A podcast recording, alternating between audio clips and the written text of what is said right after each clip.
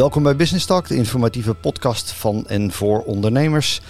Mijn naam is Dennis van der Voort en mijn co-host is Vincent Breedveld. Vincent, wie zijn onze gasten vandaag eigenlijk?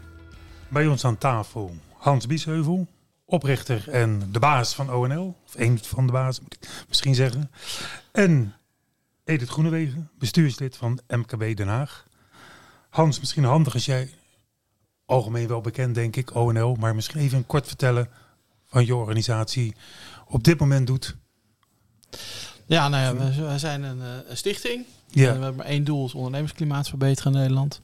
En dat doen we vooral door niet te mopperen en te klagen, maar gewoon met goede ideeën te komen. En daar vooral proberen de politiek van te overtuigen.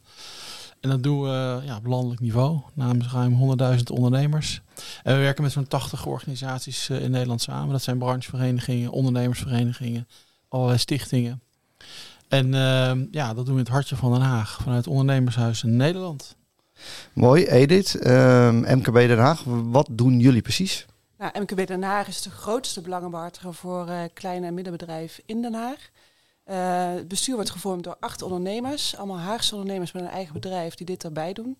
En we proberen eh, door lobby en door informatieverstrekking een gunstig eh, klimaat voor ondernemers in Den Haag eh, te creëren. Ja, is, dat, eh, is dat veel contact met het gemeentebestuur of ook breder dan alleen de stad? Ja, dat is, dat is veel contact met de gemeente. Eh, wij zitten ook in het hoofdbestuur van MKB Nederland. En wij zijn een afdeling van MKB Nederland. En daarnaast zitten wij in heel veel, aan heel veel tafels. Denk aan eh, bestuurlijk overleg, economische zaken, bureau binnenstad. Dus alle taskforces die gaan over corona, brexit. Daar zitten wij aan tafel en denken we mee. Mooi. Nou, we hebben jullie natuurlijk met een reden uitgenodigd, want er is al wat gaande in de economie. Ehm, aanvankelijk dachten we begin dit jaar van nou, we zijn wel van COVID af. We gaan weer eh, gezellig ondernemen en het wordt allemaal beter. En toen werd het maart en begonnen we een oorlog en allerlei boycotten en, ehm, en is het helemaal klaar. Ehm, ja, Vincent, hoe heb jij dat beleefd? Ja, het is bij, als je kijkt uh, wat ons werk, hè, normaal ben ik advocaat, uh, zelf ook ondernemer. En wij werken ook eigenlijk uitsluitend voor ondernemers. Is dat je hebt gezien dat in het begin iedereen heel snel probeerde weer op te krabbelen eigenlijk. Maar, en ik heb een lijstje gemaakt, ik zal het niet allemaal voordragen, maar waar ondernemers nu heden ten dagen de afgelopen maanden mee zijn geconfronteerd. Ik denk, ik draai al 32 jaar mee, Hans zelfs nog iets langer denk ik. We kennen elkaar ook al heel lang, maar ik denk niet dat we dit ooit hebben meegemaakt. Dat er zoveel, ja, laat ik het incidenten noemen, maar het zijn meer als incidenten. Wat vind jij, Hans? Dat... Nou ja, het zijn heel, heel veel uitdagingen tegelijkertijd. Ja. ja. En dat is niet alleen voor de ondernemers, hè, maar voor ook, ook voor, de, ja, voor je medewerkers. Hè. Die Zeker. ook met heel veel dingen. Te, en je moet toch uit, uiteindelijk samen het geld verdienen in een bedrijf. Um, ja, en je merkt gewoon dat uh, de corona heeft natuurlijk een enorme wissel getrokken. Niet alleen op, op op, bedrijven en op de financiële positie vaak van bedrijven, maar ook op de verhoudingen hè, tussen mensen. En, uh, en, ja, en nu zie je bijvoorbeeld nog steeds een heel hoog ziekteverzuim in heel veel bedrijven. Ja, het gaat nu bijvoorbeeld heel erg over de energierekening en over de inflatie, maar ziekteverzuim is ontzettend hoog op dit moment, nog steeds. Klopt. Uh, je ja. ziet ook dat het lastig is van ja, hoe vind je nou een balans tussen thuiswerken en op kantoor werken. Je merkt dat de binding met bedrijven gewoon uh, veel minder sterk uh, lijkt te zijn op dit moment hè, dan voor corona. Dus dat zijn allemaal uitdagingen waar je mee te maken hebt. En dan ondertussen, hè, we dachten we gaan herstellen. Heb je die energierekening, heb je de inflatie, uh, nou ja, en dan hebben we andere dingen meer. Ja, Edith, maar, krijgen jullie daar ook verhalen over van terug vanuit je achterban? Ja, ik denk elke ondernemer die ik spreek, zowel zakelijk als, als uh, lid van MKB Den Haag, uh, is uh, die zegt van, goh, wij zijn alle mensen heen. Hè, uh, ik heb mensen nodig en heel breed. Hè. Alle branches, alle afdelingen zijn op zoek naar mensen. En uh, dat is natuurlijk uh, killing voor een bedrijf die uiteindelijk omzet wil maken. Ja, precies. En, en in jouw dagelijks praktijk, je bent ook ondernemersrechtadvocaat. Wat, wat maak je daar nou voor, voor heel specifieke casussen mee waarvan je denkt, nou, dit is echt iets van nu, dat springt er gewoon bovenuit? Nou, ik denk twee dingen. Ik denk, uh, enerzijds zie ik nu dat er toch wel veel overnames uh, worden gepleegd. Misschien mm -hmm. ook voor de, de, de storm die misschien nog komt. Hè? Ja. Mensen denken van, nou, we gaan nu onze onderneming verkopen. Uh, dit is het goede moment. En daarnaast zie ik dat wij ontzettend veel geschillen hebben tussen ondernemingen. Commerciële geschillen die nu echt worden uitgevochten. Misschien ook wel een beetje een link met waar Hans het net over had. Hè? mensen staan onder druk. Ja. en dat leidt tot Zijn er dan dingen betaalde huur niet? Of, of, of gewoon uh, onderlinge dienstverlening die niet afgerekend wordt? Of over kwaliteit? heb je een voorbeeld? Ja, Zonder man en paard te noemen? Uh, dat kunnen tuchtzaken zijn. Dat kunnen inderdaad aansprakelijkheidskwesties zijn. Uh, beëindiging van huurcontracten. Uh, en natuurlijk uh, de, de arbeidsgeschillen die te maken hebben met, met langdurig ziekteverzuim. Ja, wat Edith zegt, dat is eigenlijk wel bijzonder. Daar hebben we het pas ook nog over gehad. Dat uh, je ziet, je zit in een tijdsgevricht met heel veel problemen. Maar aan de andere kant is er een bepaald segment van de markt waar nog heel veel geld is. En daar komen ook die overnames vandaan. Wij merken ook bij onze klanten. Edith, ik denk dat je dat goed zegt, is dat die uh, uh, toch nog bereid zijn om hun uh, bedrijf te koop te zetten of, te verko of proberen te verkopen. Ja. En dat is wel een heel bijzonder tijdsgevricht waar we nu in zitten, omdat aan de andere kant een deel van de ondernemers heel slecht gaan. Ja, als we daarop inzoomen, uh, Hans, jij, jij, hoort die signalen natuurlijk uh, ten volle. We zien je ook regelmatig in, uh, in de media voorbij komen. Je zorg uitspreken eigenlijk, ja, ik zou bijna zeggen over alles. Ja. Um, waar zit je ernstigste, nou, waar lig je het meest wakker van, voor zover je wakker ligt? Nou ja, dat, ik lig persoonlijk niet zo snel wakker, maar er zijn wel veel dingen tegelijkertijd die me nu bezighouden. Wat ik het meest moeilijke vind, dat ik merk heel veel mensen gewoon op dit moment geen houvast voelen. Precies. Uh, en dat heeft dus te maken met de veelheid van dingen die spelen. Ja. Heeft te maken met die tweedeling die Vincent noemt. Ik, ik, een van mijn conclusies na twee jaar corona is, is dus eigenlijk dat in de economie een soort tweedeling ontstaan is. Hè. Of het gaat heel erg goed met je. Dan gaat het gelijk ook fantastisch. Hè. Kijk in de ICT om maar eens wat te noemen. Ja. Of het gaat heel slecht. Heel slecht ja. Kijk even naar Edith, maar dat is precies wat, eigenlijk, wat wij ook heel erg merken in de praktijk. Ja, klopt. En die tweedeling zorgt dus ook voor extra spanningen. Uh, en ook dat gevoel als je dan in de verkeerde helft zit, hè, van het gevoel, ja, ik heb geen grip meer, ik heb geen houvast meer. Dat is lastig. Ja, en de politiek uh, biedt ook geen houvast op dit moment. Hè. Het is natuurlijk uh, verdeeld. Het, is, ja, het zijn heel veel partijen. De, de, maatregelen buiten over elkaar heen. En dat maakt voor mensen ook heel lastig. Nee, je hebt me wel eens verteld in, in de afgelopen periode, het kabinet zit nu vanaf januari. en ik vertaal hem even vrij, maar ze hebben eigenlijk nog geen fluit gedaan. Nee, dit nou, is kijk, misschien heel kort door de bocht, maar... Nou ja, het is heel veel geblaat en weinig wol. Hè. Er is uh, natuurlijk wel het ex excuus nu van ja, uh, de, inval in de Oekraïne. Uh, er is het excuus van ja, maar het stikstofdossier. Maar als je kijkt naar, hè, we hebben negen maanden gedaan over een regeerakkoord hè, in 2021. Ja. En dat regeerakkoord lag eigenlijk half februari al in de, op de bodem van de Hofvijver. ja. um, en inmiddels heeft niemand het daar meer over. en ja, je ziet heel veel ministers zoeken naar een profiel, naar een rol. Je ziet bijvoorbeeld op het ministerie van EZK, wat voor ons een heel belangrijk ministerie is, dat er maar liefst drie bewindspersonen zijn. Ja. Die tot nu toe volgens mij nog vooral bezig zijn met afbaken en wie gaat naar waar over. En je noemt iets interessants, uh, want ja. van de week een rondje gedaan uh, in, in wat ondernemersclubs. Ik weet, uh, Edith zal het misschien wel herkennen. En de vraag is gesteld, heeft iemand enig idee wie de minister van Economische Zaken is? Echt, ik zag alleen maar vraagtekens. Ja, Niemand. Nee. Waar is de tijd gebleven van een Hans Weijers, waar iedereen wel wist, hey, dat is de man van Economische Zaken. Lang geleden, maar um, om maar even een voorbeeld te noemen. Men heeft geen idee wie die ministers zijn en bovendien, waar zijn ze? Ja, maar dat heeft dus ook te maken met hoe dat regeerakkoord in elkaar zit. Kijk, ik wil er niet heel technisch over gaan doen. Maar na negen maanden uh, ja, vonden mensen gênant worden. En dacht men, nou nu moet er maar een regeerakkoord komen. En dat was natuurlijk ook vlak voor de gemeenteraadsverkiezingen. Dus de, de partijen dachten, ja, als we nu niet een akkoord maken, worden we weggevaagd bij de gemeenteraadsverkiezingen. Dus als je nu naar het regeerakkoord kijkt, zijn ze eigenlijk maar over één ding eens ge geworden. Namelijk gaan 70 miljard extra uitgeven. Maar hoe en waaraan? En het is een beetje zoete lieve gerretje. Hebben ze toen geen keuzes in gemaakt. Nou, en ja. nu zie je dus die worsteling. Hè, dat zie je bij stikstof, dat zie je bij de woningmarkt, dat zie je bij de energie. Dat die keuzes, die zijn dus heel lastig te maken. Uh, en die zijn ze nog onderling steeds over aan het uitvechten. Uh, en daarom denken wij, er gebeurt niks. Want ja, die uitwerking, hè, van hoe gaan we die 70 miljard nou uitgeven, die is nog steeds niet definitief. Nee. En hey, dit zijn het dit, dus alsof, alsof er niks gebeurt. Zijn dit onderwerpen die ook bij jou in de club zo ombeeld Maar Hans zit natuurlijk wel dichter bij de landelijke politiek. Jullie zijn meer lokaal uh, actief. Maar goed, uiteindelijk via in Nederland hoor je dit ook. Hoe landt dit nou bij jou in de club? En, en wat hoor je van je leden? Houdt, ze, houdt dit ze bezig? Nou ja, kijk, de, ik denk dat niemand ontkomt aan, aan, aan het feit dat de politiek geen keuzes maakt. En dat belangrijke dossiers, bijvoorbeeld de arbeidsmarkt, hè, en hoe je om moet gaan met vast en, en, uh, en uh, vast werk en ZZP'ers, dat, dat ligt al heel lang stil. Ja, langer, en, ja, dat ligt al 7, 8 jaar. Ja, ondanks dat er een rapport Borstlap ligt, hè, al 2,5 jaar. Daar hebben ze ook helemaal geen fluit mee gedaan. Ja, het dus is schandalig. ziet dat het gaat meer om de personen en de discussies die daar spelen, in plaats van dat er gewoon voor de lange termijn, en dat is wat ik denk het, het meest terug hoor, er is geen beleid op de lange termijn. terwijl, denk ik, ondernemers belang hebben bij rand, het scheppen van randvoorwaarden. Dat moet de politiek doen. En laten is, het niet, ondernemen. is het niet een trend in zijn algemeenheid in de politiek dat enorm ad hoc is? Ik maak wel eens de vergelijking. Eh, dinsdag is altijd het vragenuurtje. Wat dinsdagochtend op de voorpagina van de Telegraaf staat. Daar wordt een vraag over gesteld. Dat, dat zit natuurlijk. Misschien maak je dat lokaal ook wel mee. In Den Haag is de politiek ook roerig. Uh, en dat nou, zie je overal in de Randstad wel. Zie je het liefst. Ja, maar... maar de coalitie trouwens, hè? Er is een coalitie. Ja, ja. Het is een half jaar na de verkiezingen. Gefeliciteerd. dus, nou, ik ken nee, maar... het college niet, hè? ja, dus, wacht even. Ja. ik, ik, zal een voorbeeld noemen. Wij zijn uh, als MKB Den Haag zijn wij heel druk bezig geweest met, met het zorgen dat er een, een MKB-toets komt. Hè, voor wet en regelgeving lokaal. Zodat je van tevoren de MKB'ers meeneemt bij het vormgeven van die regelgeving. Hè? Uh, hoe zorg je dat de vergunningenstellen worden aangevraagd? Hoe zorg je dat de lasten behappen blijven? Wat hebben ondernemers. Dus eigenlijk dra draagvlak van onderaf. Exact. En uh, dat heeft uh, vier jaar gekost. en uiteindelijk is vlak voor de zomer is die MKB-toets door de raad gekomen. Maar dan, zo zie je al dat goede initiatieven tijd kosten, ook lokaal. Ja, het is eigenlijk gênant, om heel eerlijk te zijn.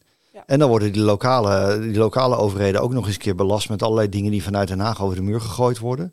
Hè, zoals het sociaal beleid hebben gehad de afgelopen jaren. En nu is het weer allemaal uh, uh, duurzaamheid en, en, en noem maar op. Uh, dat soort regelgeving. Daar wordt die gemeenteraad ook niet blij van. Want dat zijn dossiers die gaan veel te hoog over voor ze. Absoluut, absoluut. En je ziet dus ook, hè, meer nationaal zie je dat belangrijke dossiers blijven liggen. En je ziet dat de lastenverlichting die voor deze crisissen nodig is. Hè, want we hebben het echt over een aantal incidenten. Jij noemt het incidenten, Vincent, maar ik denk dat we echt in een aantal crisissen zitten. Ja, en dan heb je uh, kort, al is het kort, hulp nodig, net zoals in de coronatijd. En, en daar, wordt, daar wordt denk ik veel te laks in geopereerd. Nee, want als je ook kijkt, Hans, bijvoorbeeld naar die energiecrisis. Uh, uh, een goede kennis van mij zette, zette het zelf op LinkedIn. Die heeft een drukkerij. En, en die heeft zijn twee facturen van een jaar geleden en van nu, heeft hij op LinkedIn gezegd. Hij zegt, dit is er aan de hand. Ja. 4000, 4.500 voor zijn drukkerij, heeft een grote drukkerij. En nu 27.000. Ja. ja. Dan moet je heel wat drukken. Ja, ja. zeg het maar, hoe dan? Ja, hoe een paar maanden tijd. Hè? En je kan geen kant op. Hè, nee, dat is het probleem. Hè? Het is niet iets wat je zelf als ondernemer kan oplossen. En dat vind ik dan wel, nee. daar heb je echt wel... Nou ja, en ik ben het helemaal met jou eens, uh, Edith. Kijk, uh, in juni, begin juni zat ik in Nieuwsuur. Hè? Een programma op, op, op NPO ja, ja, zeker. Met drie ondernemers. Hè? Het was een, een bakker, een snackbarhouder en een kermisondernemer. Ja. En die heb ik, we zijn alle drie aan het woord geweest. En daarna zat ik in de studio om daar wat van te zeggen. Toen zei ik al, het gaat verkeerd. We moeten nu wat gaan doen. Want deze mensen zaten toen al op, nou niet op 27.000 per maand, maar op 15.000 per maand. was al vier keer zoveel als ja. in februari. En dat is nu nog twee keer zo hoog geworden. Ja. Ja, en ik zat vorige week nog tegenover een aantal ministers die zeiden: ja, je overdrijft het, je bent stemming aan het kweken en doe niet zo moeilijk en zo. Ja, dan moeten ze maar eens ophalen uit het land. Ja, laat je een paar van dat soort rekeningen zien. Nou, dan zie je ze wel met hun ogen knipperen. Maar blijkbaar heeft die politiek dus heel veel tijd nodig om dit soort dingen zeg maar te verwerken en, en te bedenken wat kunnen we gaan doen. Ja, ik zit, zit van de week met twee horeca-ondernemers, mooie bedrijven die het, die het gewoon goed doen. Die hebben natuurlijk twee waardeloze jaren achter terug gehad, want heel lang dicht. Dus konden weinig doen, een beetje thuisverzorgd. En, en toen ze weer open mochten, geen personeel. Dus dat, daarmee zijn ze de afgelopen zomer doorgekomen. Ja, en een van die mannen heeft dus eh, kort geleden ook nog eens even op de hartbewaking gelegen, want die ziet gewoon niet meer zitten die denkt ook, ik heb geen personeel, ik heb een goed lopend bedrijf, ben midden 50, dus ik moet nog een paar jaar.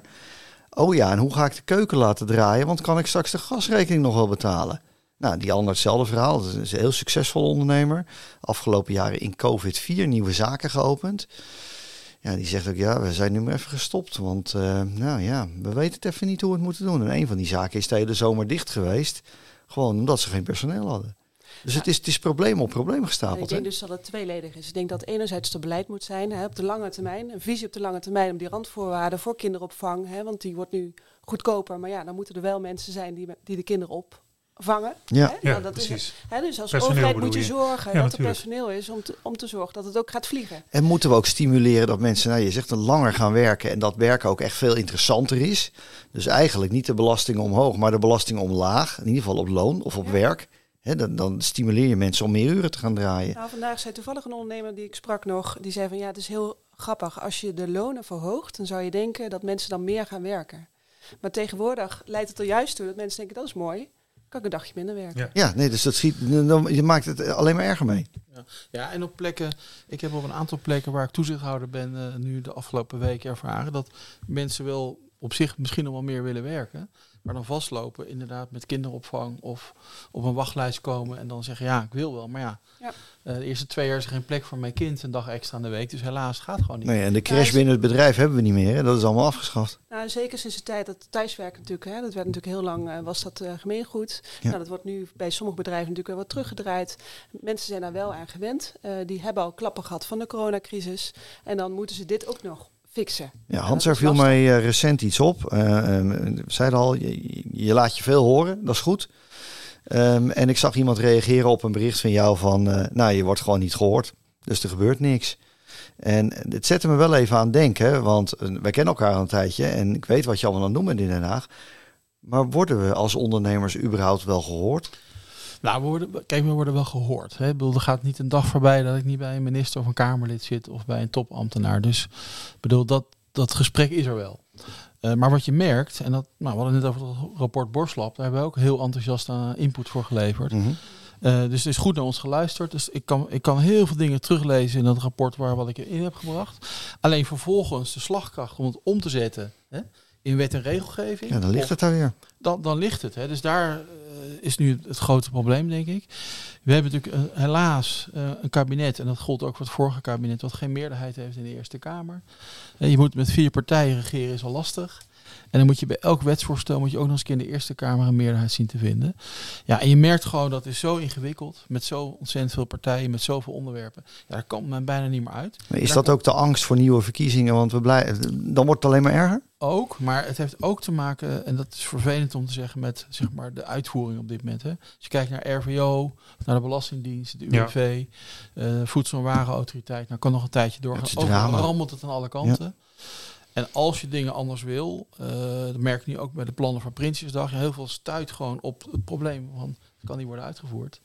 Uh, dus dat is ook een van de dingen die bemoeilijkt om dingen voor elkaar te krijgen, ook voor ons. Hè. Dus er wordt er wel naar geluisterd, maar heeft men de power om het om te zetten in wet en regelgeving en het voor ons uit te voeren. En dat gaat heel lastig.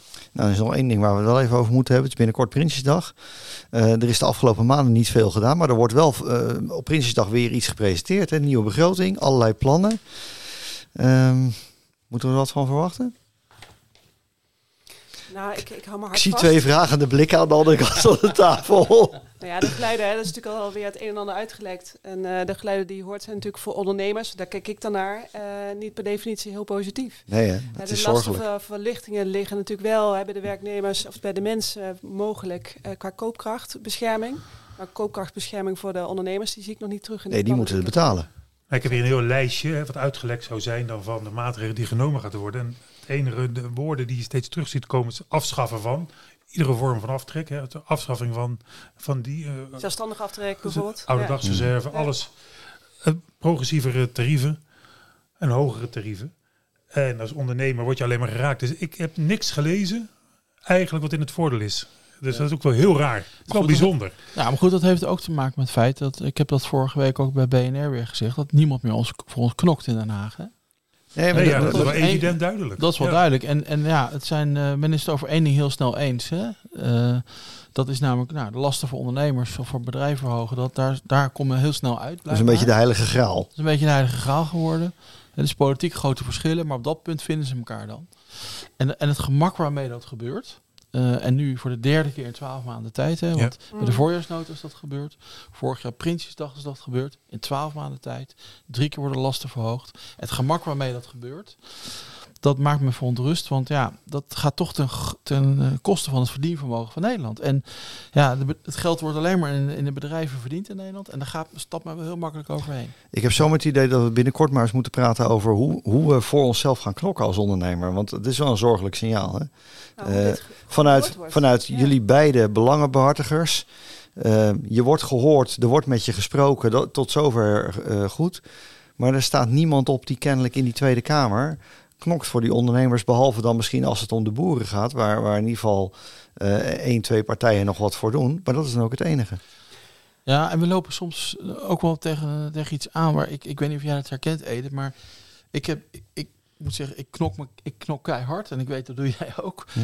Maar ik loop ook vaak in de discussie vast dat men zegt, ja, maar we hebben toch twee jaar lang jullie heel erg gesteund. Ja, dus Of je nog even dankjewel wil zeggen. Dus, dus met andere woorden, die moet nu even niet zeuren. We, we, verwachten nu wat van jullie. Dus huppakee, betalen. En dat vind ik een hele ingewikkelde discussie. Ja, nou, dat is ook te makkelijk, denk ik. Want je kunt best wel maatwerk creëren voor de te hard geraakte ondernemers. zonder dat dat meteen een, een vrijbrief is. Nee, zeker. Nou, we gaan het meemaken de komende periode. Dank je wel voor, uh, voor je komst. Um, dit was hem, nummer 1. Vincent? Het zit erop. Business Talk uh, podcast. We gaan er uh, ongetwijfeld de komende periode meer van maken. En dat is allemaal te vinden op Spotify.